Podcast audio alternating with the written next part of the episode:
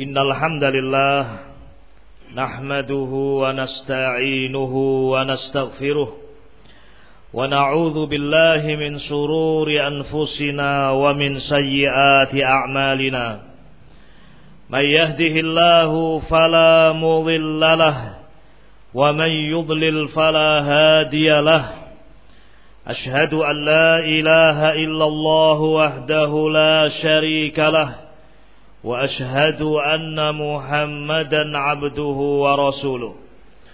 يا أيها الذين آمنوا اتقوا الله حق تقاته ولا تموتن إلا وأنتم مسلمون. يا أيها الناس اتقوا ربكم الذي خلقكم من نفس واحدة وخلق منها زوجها وبث منهما رجالا كثيرا ونساء واتقوا الله الذي تساءلون به والأرحام إن الله كان عليكم رقيبا. يا أيها الذين آمنوا اتقوا الله وقولوا قولا سديدا. يصلح لكم أعمالكم ويغفر لكم ذنوبكم ومن يطع الله ورسوله فقد فاز فوزا عظيما. أما بعد فإن أصدق الحديث كتاب الله تعالى وخير الهدي هدي محمد صلى الله عليه وعلى آله وسلم وشر الأمور محدثاتها فإن كل محدثة بدعة وكل بدعة ضلالة وكل ضلالة في النار. معاشر المسلمين جمع صلاة جمعة رحمني ورحمكم الله sebagai agama yang sempurna, sebagai din, agama yang Allah sempurnakan, maka Islam mengatur segala yang kita butuhkan. Termasuk di antaranya pengaturan Islam terhadap keluarga-keluarga muslim.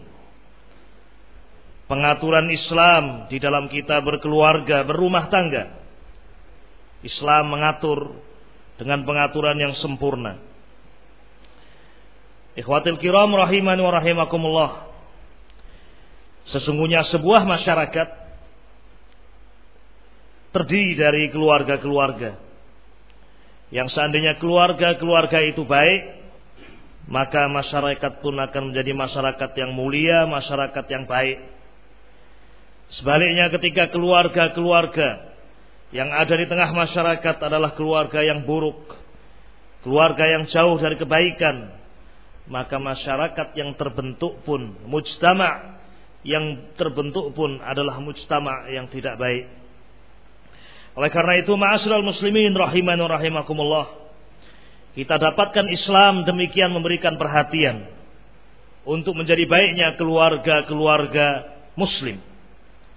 Di antara yang bisa kita saksikan ikhwatil kiram rahimani wa rahimakumullah.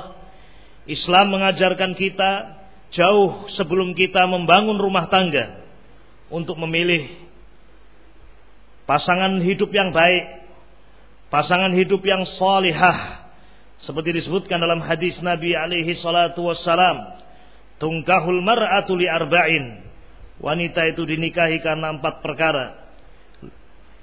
Lima liha wali jamaliha wali hasabiha wali diniha. Wanita itu dinikahi karena hartanya karena kecantikannya karena nasab keturunannya atau karena agamanya. Apa kata Nabi alaihi salatu wassalam? Beliau mengatakan faghfar bidzatid din taribat yadak.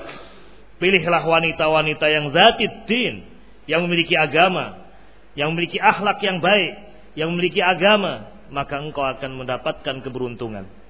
Ikhwatil kiram rahimani wa rahimakumullah. Anjuran ini, perintah ini bukan hanya ditujukan kepada kaum laki-laki yang akan mencari pasangan hidup, namun juga di antara kesempurnaan Islam, Allah Subhanahu wa taala membimbing para wali untuk memperhatikan siapa yang melamar putrinya, siapa yang melamar saudarinya, Sebagaimana disebutkan dalam hadis Nabi Ali salatu wassalam, "Idza atakum man tardawna dinahu wa khuluquhu fazawwijuh." illa taf'alu takun fitnah wa fasadun kabir atau kama qala Rasul alaihi salatu wassalam. Jika datang kepadamu seorang laki-laki meminang putrimu, meminang saudarimu, dan laki-laki laki-laki itu adalah laki-laki yang baik agamanya dan akhlaknya. Fazawijuh, maka nikahkanlah. Perhatikan ma'asyiral muslimin rahiman rahimakumullah. Bagaimana Islam membimbing dua arah sekaligus kaum wanita, yakni para wali dan juga laki-laki yang akan mencari pasangan hidup. Dengan itu biidznillah azza wajal, biidznillah dengan izin Allah Subhanahu wa taala dengan pilihan yang baik, memilih agama, memilih akhlak, keluarga yang terbentuk pun juga akan menjadi keluarga yang baik. Bukan hanya sampai di situ agama Islam membimbing kita. Ketika seorang memiliki pasangan hidup, dijelaskan dengan sempurna hak-hak yang harus dipenuhi atau kewajiban-kewajiban yang harus dipenuhi oleh dua pihak sekaligus, baik itu suami atau istri.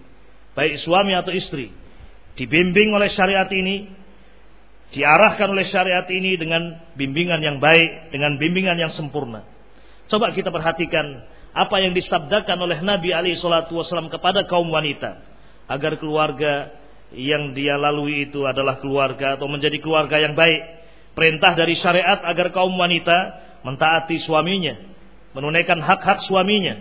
Kata Nabi Ali salatu wassalam, "Idza shallatil mar'atu khamsaha wa shamat syahraha wa hafizat farjaha wa ata'at ba'laha qila laha udkhulil jannata min ayyi abwabil jannati syi'ti au kama qala Rasul alaihi salatu wassalam."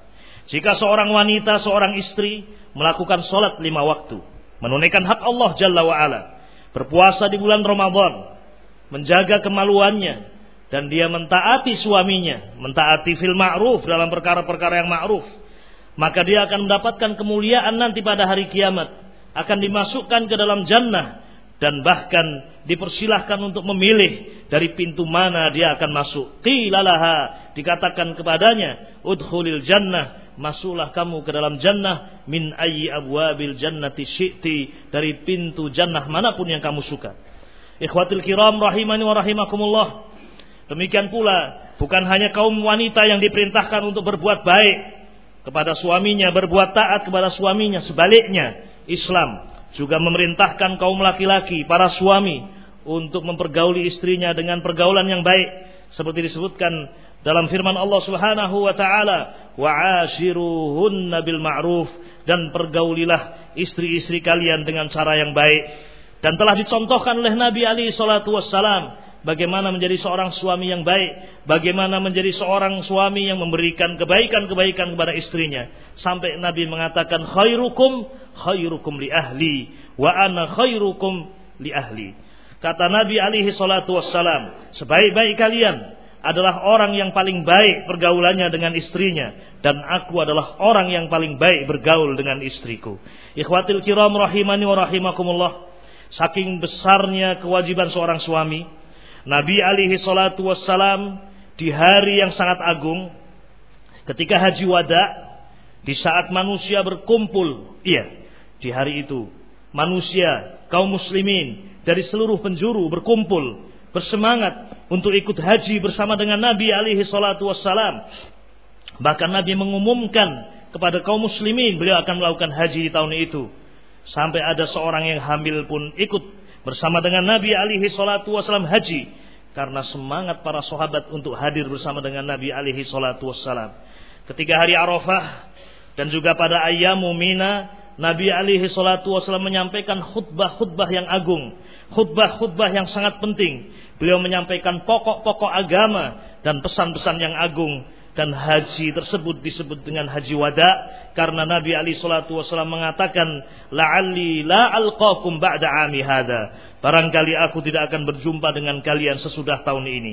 Ikhwatul kiram rahiman rahimakumullah di antara yang disampaikan oleh Nabi alaihi salatu wassalam dalam khutbah-khutbah itu beliau mengatakan kepada kaum muslimin ittaqu ya ayyuhan nas ittaqu fin nisa fa innakum akhadtum bi kalimatillah wastahlaltum furujahunna bi amanatillah atau kama Rasul alaihi salatu kata Nabi alaihi salatu wassalam ya ayyuhan nas wahai manusia ittaqu fin nisa Bertakwalah kalian kepada Allah, berbuat baiklah kalian kepada kaum wanita, kepada istri-istri kalian. Tunaikanlah kewajiban-kewajiban kalian kepada Allah atas mereka. Tunaikan hak-hak mereka, berbuat baiklah kepada wanita. Fa innakum akhadtum bi amanatillah akhadtumuhunna bi amanatillah karena kalian telah mengambil istri-istri kalian sebagai amanat dari Allah Subhanahu wa taala. Wastahlaltum furujahunna bi kalimatillah dan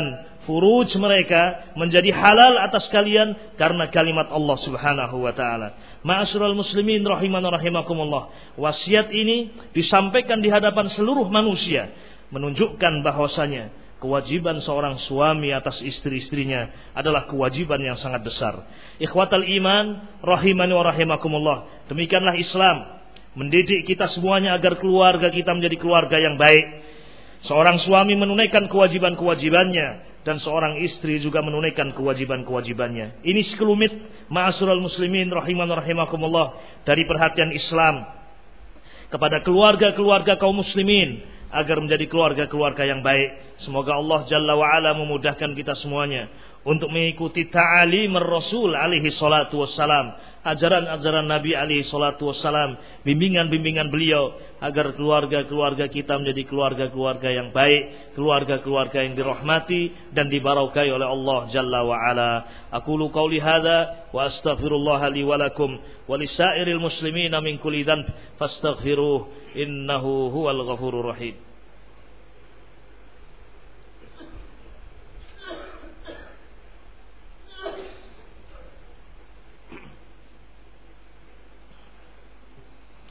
الحمد لله رب العالمين والصلاة والسلام على أشرف الأنبياء والمرسلين نبينا محمد وعلى آله وصحبه أجمعين. أشهد أن لا إله إلا الله وحده لا شريك له وأشهد أن محمدا عبده ورسوله صلوات الله وسلامه عليه وعلى آله وصحبه أجمعين. ما أسر المسلمين Jamaah salat Jum'ah rahimani wa rahimakumullah.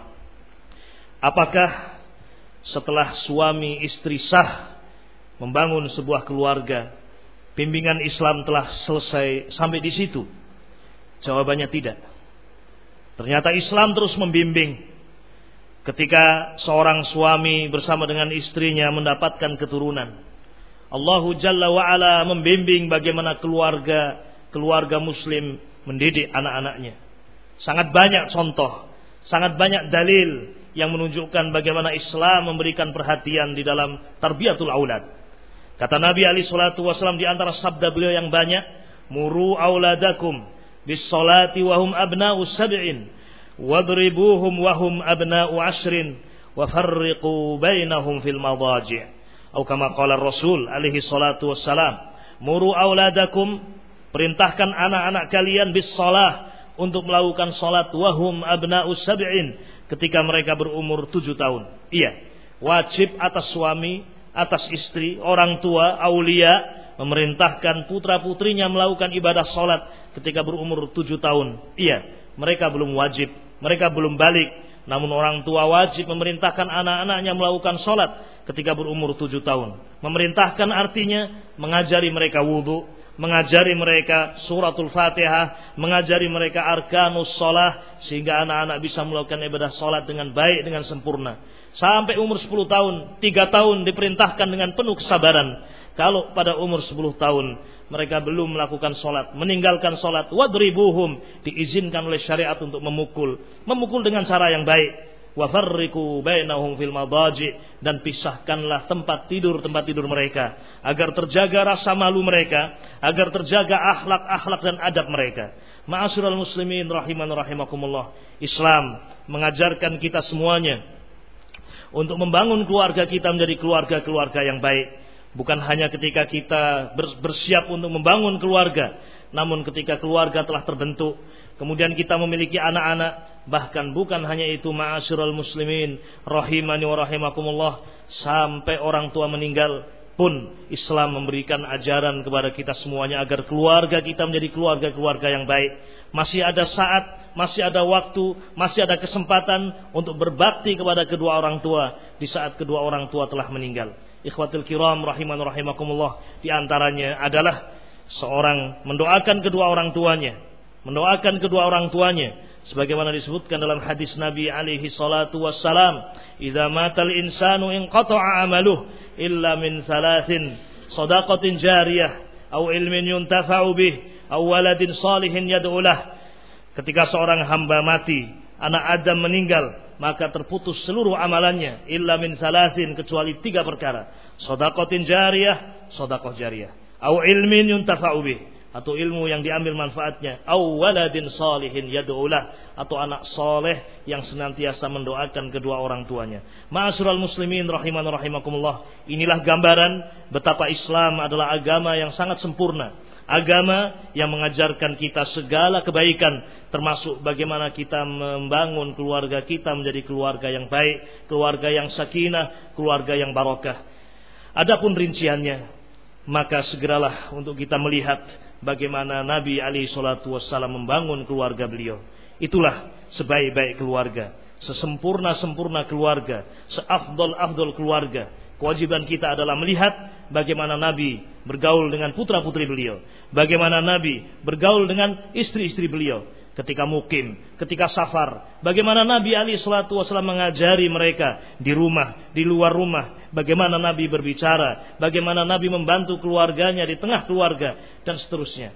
Kembalilah kepada apa yang dilakukan oleh Nabi Ali Shallallahu Wasallam sebagai bentuk pengamalan firman Allah Subhanahu Wa Taala di dalam Al Quranul Karim Laqad kana lakum fi Rasulillahi uswatun hasanah liman kana yarjullaha wal yawmal akhir wa dzakarallaha katsira. Mudah-mudahan yang sedikit ini ikhwatil kiram berfaedah dan bermanfaat untuk kita semuanya. Allahumma shalli wa sallim wa barik ala abdika wa nabiyyika Muhammad wa ala alihi wa sahbihi ajma'in. Rabbana hab lana min azwajina wa dhurriyyatina qurrata a'yun waj'alna lil muttaqina imama. Allahumma arinal haqqa haqqan warzuqna ittiba'ah وارنا الباطل باطلا وارزقنا اجتنابه ربنا ظلمنا أنفسنا وإن لم تغفر لنا وترحمنا لنكونن من الخاسرين.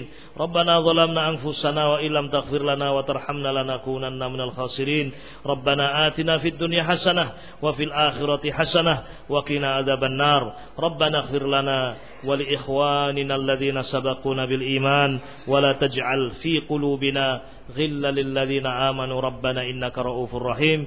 وصلى الله وسلم على نبينا محمد وعلى آله وصحبه أجمعين. والحمد لله رب العالمين.